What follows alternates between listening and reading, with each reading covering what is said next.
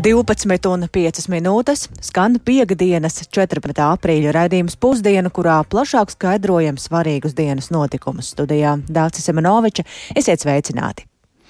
Apkuras sezona tuvojas noslēgumam, un lai arī faktiskās izmaksas ir pieaugušas un rēķini ir lielāki, parāda apjoms par saņemto pakalpojumu nav būtiski audzis, salīdzinot ar iepriekšējo gadu. Siltumapgādes uzņēmumu asociācijā gan secina, ka bez valsts atbalsta situācija būtu būtiski sliktāka. Savukārt vasarai tuvojoties tarifi ievērojami šobrīd sarūk, taču nākamajā apkurs sezonā izmaksas par apkuru esot gaidāmas līdzīgas kā šoziem ar valsts atbalstu. Un par to visu vairāk ir gatavs stāstīt kolēģis Jānis Kīncis, kurš šobrīd pievienojas tiešraidē. Sveiks, Jāni! Sveika, Dārts! Sveicināti klausītāji! Jā, šī apkura sezona iezīmējās ar tarifu būtisku pieaugumu visā Latvijā. Atgādināšu, ka valdība rudenī lēma par atbalsta pasākumiem energoresursu cenu pieaugumu kompensēšanai līdz pat šī mēneša, līdz aprīļa beigām, mājasemniecībām ar dažādiem apkuras risinājumiem, tā skaitā ar elektroenerģiju, dabasgāzi, koksnes briketēm, granulām un malku, un arī centralizētās siltumapgādes klientiem. Nu, bija arī citas palīdzības formas, piemēram, vairāk siltumražotāji par kavētiem maksājumiem neaprēķināja sodu procentus. Pašlaik galvaspilsētā centralizētās apkuras sezonu noslēguši apmēram 6% uzņēmuma Rīgas siltums klientu, un kopējais parāds par saņemto pakalpojumu ir sasniedzis apmēram 11 miljonus eiro, kas ir līdzīgi kā pēc pagājušās apkuras sezonas. Citi siltuma apgādes sniedzēja precīzus datu, datus pagaidām vēl apkopo, jo apkuras sezona tomēr vēl nav noslēgusies, taču siltuma apgādes uzņēmumu asociācijā nav saņemtas ziņas par negaidīti augstiem parādiem šīs apkuras sezonas noslēgumā.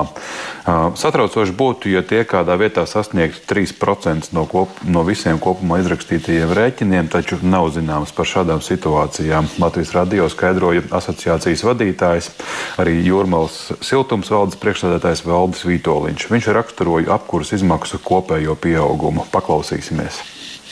Izskatās, ka mēs esam izgājuši tā teikt sausām kājām šo apkuras sezonu, un kas ir nu, lielā mērā droši vien pateicoties tam valsts atbalstam, kas tika sniegts. Lai gan, protams, ja mēs skatāmies absolūtos ciparos, tad nu, tā vienkāršot, ja mēs rēķinām, faktiski cenas ir augušas ar visu atbalstu. Faktiskais apjoms, kas cilvēkiem bija jāmaksā, ir pieaudzis. Ja nebūtu apjoms, tad viņš būtu pieaudzis tur 3-4 reizes, bet tagad viņš faktiski pieauga līdz divām reizēm, tā jau var teikt, jo tiešām kam bija šķeldi, tikai tie pat varbūt arī noturēja to tarifu tarifu līdzīgi kāds bija iepriekšējā gadā. Tā kā absolūtos ciparos tarifs vidēji Latvijā ir audzis, cilvēki ir izturējuši un tā, kur sezona ir pagājusi bez krīzes. Ierasta liela daļa parādnieku pakāpeniski nolīdzina savas saistības turpmākajos mēnešos līdz nākamajai apkuras sezonai. Un šajā pavasarī atbilstoši prognozētām tendencēm vairākās pašvaldībās jau no aprīļa tarifi par siltumenerģiju ir zemāki, piemēram, Rīgā, Jūrmalā, Alūksnē, Daugopilī, Jelgavā un citviet. Un siltumenerģijas tarifu izmaiņas ir, protams, tieši atkarīgas no gāzes cenas, kas pašlaik salīdzinājumā ar pagājušā gada nogali pasaules tirgos kritus kritusies pat par 40 un vairāk procentiem. Un pašlaik apkuras sezonas noslēgumā regulātoram piesaka jaunus, vēl zemākus siltumenerģijas tarifus. Piemēram, Rīgā no maija vidus to rosināts noteikti uz pusi zemāku nekā tas bija vidēji šīs apkuras, šajā apkuras sezonā. Savukārt ar skatu uz nākamo apkuras sezonu kurināmo resursu cenu, protams, ir vēl grūti prognozēt. Attiecīgi arī tarifu aplēses varētu būt visai aptuvenas. Tomēr atbilstoši pašreizējām prognozēm izmaksas saglabāsies zemākas nekā aizbītās apkuras sezonas sākumā. Un uh, absolūtos skaitļos, ko cilvēki ieraudzīs savos reķinos, tās varētu būt līdzīgas kā aizvadītajos mēnešos, kad rēķinus mazināja ar šiem jau pieminētajiem valsts atbalsta pasākumiem. Tā to prognozējusi Siltumapgādes uzņēmuma asociācija DACE. Paldies Jānim Kīncim par šo informācijas apkopojumu, kādā tad šogad situācijā esam ar apkuras sezonu Latvijā kopumā, bet mūsu nākamais temats ir turpinājums kādam mums, mūsu jau iepriekš sāktam stāstam un par kādu konkrētu projektu, proti par Kalciem ielas Rīgā iedzīvotāju bažām par iespējamu daudzstāvnama projektu, kas apdraudētu apkaimes vēsturisko apbūvi un aizsektu sauli tuvējām mājām. Šonadēļ pašvaldība ir komentējusi, ka būvatļauja Kalciem ielā 9 ir spēkā līdz 2025. gada vasarai. Pagaidām būvniecības iecerē saskaņota nepilnā apjomā, jo līdz šim nav izstrādāta tehniskā projekta dokumentācija par daudzstāvēkus būvēšanu. Tikmēr iedzīvotāji uztver to, ka viņiem nav bijusi iespēja iepazīties ar pirms trīs gadiem saskaņoto būvatļauju un apstrīdēt to. Plašāk par visu Sintīs Ampotas ierakstā. Rīgā Kalnciem ielā 9 pat laba notiekošajām pašvaldībā saskaņotie darbi ir tikai tur jau esošās koka ēkas nostiprināšana, kā arī ar inženieru komunikāciju būvniecību saistīti darbi, saka Rīgas domas pārstāvis Kaspars Līcītis. Savukārt pirms teju trīs gadiem pilsētas attīstības departamentā, tolaik būvvaldē, saskaņot arī būvatļauja jogas apmācības centram ar kafejnīcu telpām un dzīvokļiem Kalnciem ielā 9. Būvniecība ir iecerēta divās kārtās. Pirmajā kārtā tiek pārbūvēta dzīvojamā ēka praktiski esošajā apjomā. Un otrajā kārtā plānots būvēt ēkas apjomu 12 stāviem. Tā augstceltne plānota būves rietumu daļā tuvāk kaktu ielai, kas ir tālāk no dzīvojamās ēkas Kalnciem ielas 9A, kuras iedzīvotāji ir pauduši bažas. Šajā brīdī nav izpildīti projektēšanas nosacījumi. Projekts ir saskaņots tikai nepilnā apjomā un nav izstrādāta tehniskā projekta dokumentācija. Esošie atļaujas nosacījumi ļauj to izdarīt līdz 2025. gada jūlijam. Pašvaldība arī pārliecināta, ka esošā dzīvojamā ēka Kanciema 9A netiks aizēnota, ja tomēr tiktu būvēta šāda ēka. Tāpat Kaspars Līdzīts norāda, ka šajā gadījumā publiskā apspriešana nav bijusi nepieciešama. Jo tajā teritorijā spēkā esošs detālu plānojums un arī nav fiksēts būvniecības likuma 14 pantā, piektajā daļā uzskatītās negatīvās ietekmes, kas ir smaka troksnis, vibrācija vai cita veida piesārņojums un ir pieņemts attiecīgs būvvaldes lēmums, kurš pasaka, ka nav bijis nepieciešams veikt šo publisko apspriešanu. Apkaimes iedzīvotājiem pat labana gan nav pieejama nekāda informācija par kaimiņu īpašumā saskaņoto būvniecību. Būvniecības likumā noteikts, ka būvetļaujas kopš 2020. gada sākuma obligāti jāievada arī būvniecības informācijas sistēmā, lai arī būvetļauja daudzstāvu namam Kalnciem ielā 9 saskaņota tikai tā gada vasarā. Pašvaldībā norāda, ka dokumentācija iesniegta jau 2019. gadā papīra formātā. Ekonomikas ministrijā skaidro, ka likumā paredzētā obligāta būvniecības informācijas sistēmas izmantošana neatiecas uz iepriekš iesniegtām iecerēm un ļauj papīra formātā uzsāktās lietas tā arī pabeigt. Taču arī šajā gadījumā būvniecības ierosinātājiem pēc būvatļaujas saņemšanas uz būvatļaujas apstrīdēšanas laiku vienu mēnesi bija jāizvieto būvtāfele. Kanciem ielas 9A daudz stāv mājas iedzīvotāji saka, ka šāda informācija vidē nav bijusi izvietota. Turpin iedzīvotāji skolotāja Kristīna. Nekāda paziņojuma, ka tur tiek plānoti liela mēroga būvdarbi, vispār nav bijuši ne paziņojumi, nekādā citā formā. Šobrīd ir sākusies kaut kāda aktīva darbība, un kaimiņi ir sākuši interesēties. No 20. gada nekāda informācija nav bijusi. Ne tāfels veidā, ne apspriešanā, nekādi. Vēl kāda kanciem ielas iedzīvotāja vērtē, ka iedzīvotājiem nav bijušas likumiskās tiesības izteikt viedokli par būvatļauju, un iedzīvotāji vēlas, lai šo procesu īstenot atkārtoti. Tas, kādā veidā mums ir jāiegūst informācija par šāda veida iecerēm un būvatļaujām, nav normāli. Un um, secinām, ka būvnieka un uzņēmēja intereses tiek liktas augstāk par iedzīvotāju interesēm. Arī kaimiņi, kuri nesen ir iegādājušies īpašumu, šobrīd ir uh, pavisam sašutuši, jo pērkot īpašumu, parasti cilvēki apskatās arī teritorijas plānojumā, Geo Latvija LV, kas šajā tuvākajā teritorijā ir plānots, kādas ir ieceres, un tur ir publicētas tikai dažas būvetļaus, kas ir kanalizācijas tīkla, ūdensvadi un ēkas rekonstrukcija. Taču tas, ka tur ir iecerēta daudz stāvu ēku apbūve, guve nav redzams, un līdz ar to cilvēki ir izdarījuši izvēli par īpašumu iegādi. Būtāfele ir būvniecības ierosinātāja atbildība. Pasūtītājs tolaik bijis Sijā otrā avēnija, bet uzņēmums tagad atrodams zem kādas biroja apvienības Jupiter Yoga arhitekts, kuru uz mājaslapā norādīto tāru un Latvijas radio neizdevās sazvanīt. Sinti Ambote, Latvijas radio. Šim stāstam vēl noteikti būs turpinājums, bet tāda neatrisināta situācija ir ar to, ka visā Latvijā jau ilgstoši trūkst sociālajā jomā strādājošo.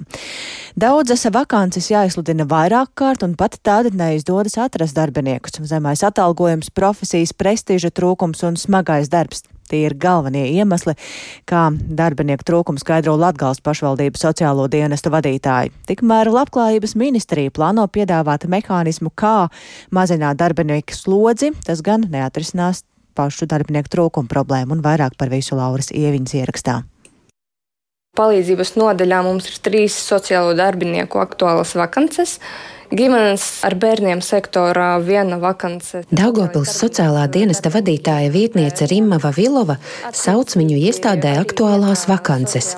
Pašlaik viņi meklē vairāk nekā desmit darbiniekus. Es strādāju sociālajā dienestā septiņus gadus. Liekam, visi tie septiņi gadi tā situācija bija apmēram viena un tāda pati jā, ar darbinieku trūkumu. Darbinieku trūkumu izjūt arī citās Latgales pašvaldībās.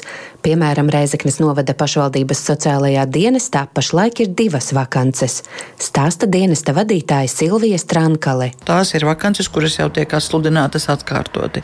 Dienestā ir darbinieki, kas tuvojas pensionēšanās vecumam, jā, un līdz ar to būs vēl vakances. Izglītību sociālā darba jomā Rēzeknē šobrīd var iegūt divās mācību iestādēs - Latvijas Universitātes Paula Stradiņa medicīnas koledžā un Rēzeknes tehnoloģiju akadēmijā. Savukārt Daugopilī vienīgā mācību iestāde, kas gatavo sociālos darbiniekus, ir Baltijas Startautiskā akadēmija. Mēnesi, laikam, atpakaļ viņiem bija programmas akreditācijā. Un, diemžēl viņi to akreditāciju neizgāja. Akreditācijas process pašlaik turpinās, un Rimma Vavilova cer, ka programma līdz jaunajam mācību gadam tomēr tiks akreditēta. Silvija Strankalē ir novērojusi, jaunieši sociālā darba smagumu apzinās jau mācību prakses laikā, un nereti izglītību tāpēc neturpina. Jā, strādāt ar cilvēkiem tas vispār nav viegls darbs, un strādāt sociālo darbu, kad tev ir jāstrādā ar tik plašu mērķu auditoriju. Sākot ar bērniem, jauniešiem, ģimenēm ar bērniem, senioriem, cilvēkiem ar garīgu rakstura traucējumiem, funkcionāliem traucējumiem, dažādām atkarībām. Tāpat daudz darbu sociālajā jomā pamet drīz vien pēc profesijas ieguves.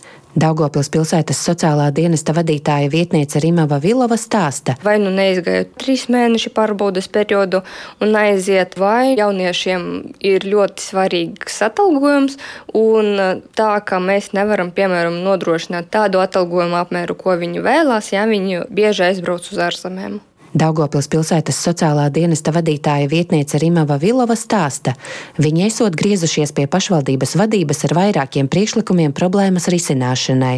Viens no tiem esot atvērto durvju dienas, ieinteresējot vidusskolēnus apgūt šo profesiju. Tāpat Daugopils pašvaldība ir piekritusi nodrošināt sociālā darba speciālistus ar dzīvojamo telpu. Ja speciālisti grib no citas pašvaldības pretendēt uz sociāla darbinieka vakanci un strādāt mūsu pašvaldībā, pašvaldība var piedāvāt izrēt dzīvokli. Vēl viens priekšlikums esot bijis mācību maksas sekšana sociālā darba studentiem, taču pagaidām līdzekļu trūkuma dēļ tas nesot guvis atbalstu. Labklājības ministrijas sociālā darba un sociālās palīdzības politikas departamenta direktore Ilze Skrodeli Dubrovska stāsta, sociālā darba jomā strādājošo speciālistu trūkums ir vērojams visā Latvijā. Visos reģionos sociālā darba speciālistu atalgojums salīdzinot ar pagājušo gadu ir kāpis, taču viszemākais tas joprojām ir Latgalē. Pašlaik daudzos novados atalgojums nesasniedz pat mēneša algu grupas minimumu. Pēc jaunā atlīdzības regulējuma tas jāsasniedz līdz 2027. gadam. Ilze Skrodele Dubrovska gan uzsver, ka atalgojums lielā mērā atkarīgs no pašvaldības. Drīzumā Labklājības ministrija plāno iesniegt priekšlikumus grozījumiem normatīvajos aktos, lai nosakot sociālo darbinieku skaitu, tiktu ņemts vērā ne tikai iedzīvotāju skaits pašvaldībā, bet arī reālais sociālo problēmu apjoms. Tas ļaus samazināt darbinieku slodzi, taču darbinieku trūkuma problēmu diemžēl nerisinās. Laura Ieviņa, Latvijas Rādio studija Latgalē.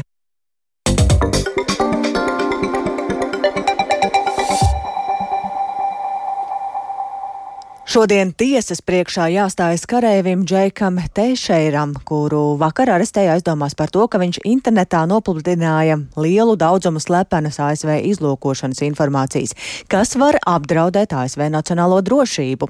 Joprojām neatbildēts ir jautājums, kā zema ranga karēvim izdevās tik viegli piekļūt klasificētā informācijai. Par to vairāk stāsta Uldis Česbergs.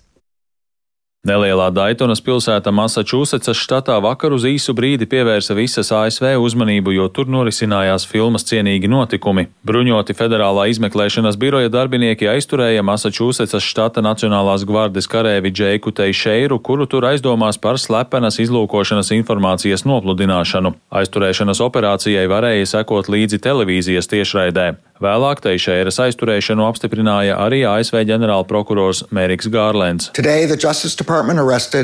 Jack Douglas Teixeira. Šodien Tieslietu ministrija arestēja Džeiku Douglasu Teixeiru saistībā ar izmeklēšanu par iespējamu klasificētas valsts aizsardzības informācijas neatļautu izņemšanu, saglabāšanu un pārsūtīšanu.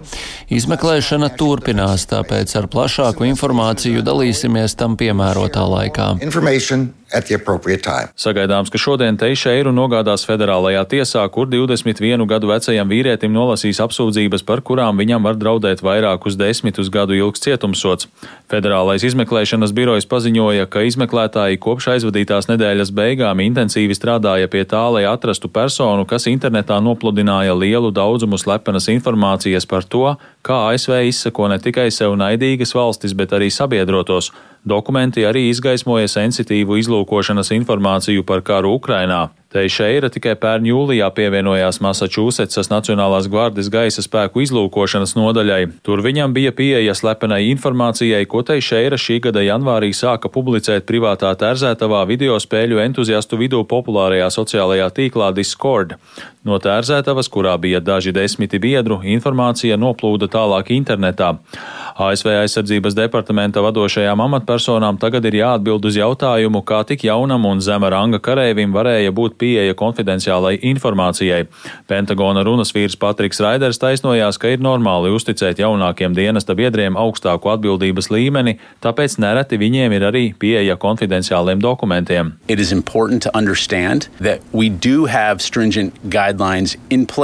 Ir svarīgi saprast, ka mums ir stingras vadlīnijas, klasificētas un sensitīvas informācijas aizsardzībai. Tā bija apzināta noziedzīga darbība, šo vadlīniju pārkāpums. Mēs turpināsim darīt darīt visu iespējamo, lai nodrošinātu, lai cilvēkiem, kuriem ir nepieciešama piekļuva slepenai informācijai, to saņemtu. Mēs vienmēr mācīsimies no katras situācijas.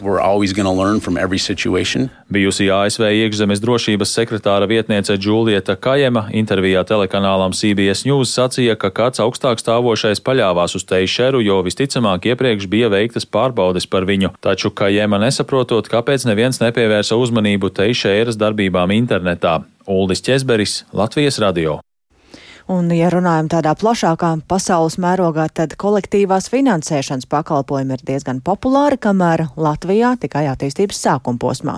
Kas jādara, lai iegūtu kolektīvās finansēšanas pakalpojumu sniedzēja darbības atļauju? To šodien interesanti varēja uzzināt Latvijas bankas rīkotā seminārā. Latvijā pagaidām ir tikai viens licencēts uzņēmums, kas sniedz šādus pakalpojumus, bet Eiropā 21. Par to, kādas iespējas šī uzņēmē darbības forma sniedz dažādu projektu īstenošanā. Par to interesējās kolēģi Zane Eniņa, kura šobrīd pievienojas studijā. Labdien, Zane! Labdien! Tā ir, kā tu saki, ka pasaulē kolektīvā finansēšana ir ļoti populāra, arī Latvijā tā nav sveša. Un, uh, no vienas puses tā ir iespēja īstenot tādus projektus, kuru autorus bankas ir visticamāk tādu vai citādu iemeslu dēļ, kā kredītu saņēmējs nekvalificētu. Piemēram, tie varētu būt kādi uzņēmumi bez pieredzes, studentu izveidoti mazie uzņēmumi, kuriem ir kāda spoža biznesa ideja, vai, teiksim, uzņēmums, kuram ir uh, neliels attīstības plāns, bet nav īpašumu, ko varētu ieķīlāt, lai pretī saņemtu naudu ieceras realizācijai. Un uh, no otras puses tā ir iespēja investoriem, un par to vairāk stāsta Latvijas Bankas finanšu tehnoloģiju uzraudzības pārvaldes vadītāja Marinē Krasovska. Cilvēki, kuriem interesē investēšana, kur ir upēs, viņam ir kaut kāda brīva nauda. Mēs nerunājam par kaut kādām lielām summām, tur 50 vai 100 tūkstoši, bet to var sākt darīt jebkurš cilvēks, kam ir 250, 100 vai 1000 vai 2000 eiro. Viņš var ieguldīt, diversificēt tādā veidā savus kaut kādas citas investīcijas plūsmas un ieguldīt arī konkrētajā biznesā. Tādā veidā pirmkārt atbalstīt konkrētu uzņēmumu, otrkārt nopelnīt procentu, kas arī šobrīd aktuāli īpaši, kad inflācijas līmenis ir ļoti augsts. Latvijas bankas pārstāvja Marina Krasauska arī pastāstīja, ka citās Eiropas valstīs šādā veidā ar kolektīvās finansēšanas platformu starpniecību tiek realizēti visdažādākie projekti - gan biznesa, gan sociālie, gan radošie. Un tas var būt atbalsts noteiktām sociālām grupām, izglītības vai mākslas vai, teiksim, kino projektiem. Marina Krasauska minēja arī kādu interesantu piemēru Itālijā. Paklausīsimies!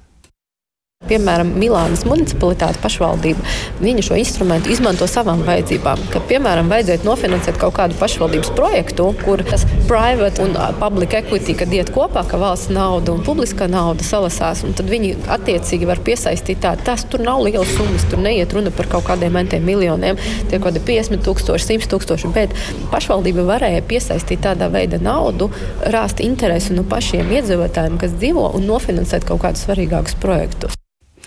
Jāpaskaidro, ka Latvijas Bankas šodien rīkotais seminārs bija domāts uzņēmējiem, kuri gatavojas iegūt šādas darbības atļaujas.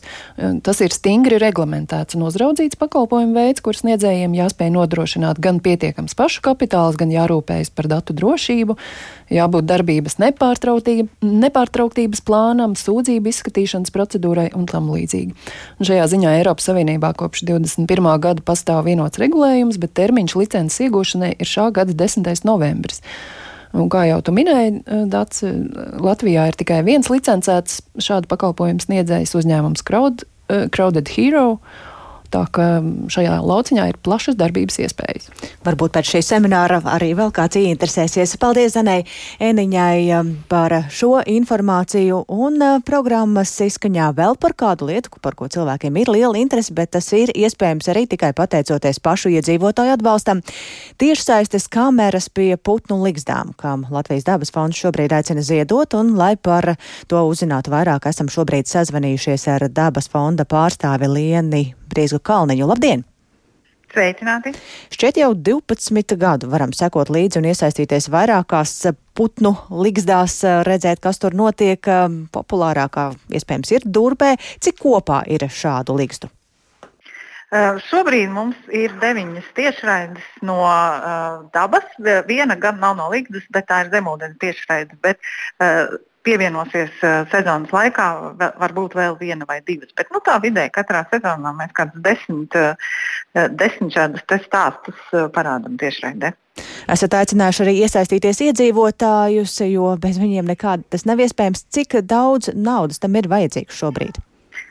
Uh, jā, nu, šis mūsu tiešraidžu projekts ir uh, tiešām tāds uh, tautas un cilvēku atbalstīts un arī priekš visiem. Uh, to var skatīties visi visā pasaulē un bez nekādām uh, maksām. Bet, protams, lai to visu nodrošinātu, ir nepieciešams darbs un ir nepieciešama tehnika. Un šogad ir pienācis laiks, kad mums ir jānomaina divas uh, enerģijas ģeneratoru sistēmas pie divām ligzdām. Šim, šī vajadzība ir lielāka nekā ierasts, un līdz ar to mums šobrīd pietrūks 3000 eiro šī, šo, šīs te tehnikas atjaunošanai.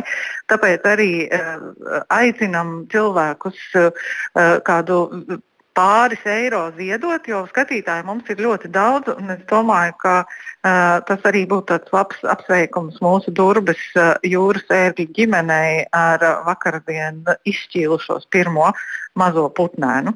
Jā, vēl nedaudz par tiem pašiem ziedojumiem. Kas ir tas dārgākais? Tieši tā tehnika vai tā uzturēšana? Pats dārgākais ir tehnika, un tehnika būtībā arī ir vienīgais uh, izdevums, jo uh, uh, uzstādīšana un uzturēšana tas ir brīvprātīgais darbs, ko uh, veic mūsu eksperti, kur iesaistās arī putnu entuziasti. Uh, tā kā jā, mēs, mēs tiešām uh, līdzekļus izlietojam tikai tam, lai, kā, saka, kā mēs sakam, delžiem. Un, ja nu kāds ir sadzirdējis šo aicinājumu, kā to var izdarīt un šo naudu nogādāt jums? Ziedojumus var veikt caur uh, mobilajā aplikācijas starpniecību. Tur ir iespēja ziedot Latvijas dabas fondam. Un tad šajā periodā ienākušos ziedojumus mēs pieņemsim, ka tie ir veltīti tieši uh, tiešsaistes kamerām, kā arī var ziedot pārskaitot uz Latvijas dabas fonda kontu un arī uz PayPal kontu. To var atrast mūsu mājaslapā ldf.lv. Un ja nu gadījumā savāksiet vairāk nekā šobrīd ir nepieciešams, kā to naudu izlietosiet? Uh, nu, katrā ziņā tā nauda paliks uh, tiešraides kameru nodrošināšanas tajā finanšu grozā, un, un tā arī nu, mums būs drošāka sajūta teiksim, par nākamo sezonu un kādu laiku uz priekšu. Paldies Latvijas dabas fonda pārstāvē Lienai Brīsgai Kalniņai, un ar to arī izskan šīs dienas raidījums pusdiena. Tā producente Ilze Agīnta ierakstus montēja Renāša Steimanis par labskaņu rūpējās Rita Karnača un ar jums sarunājās Dācis Simonoviča. Yeah.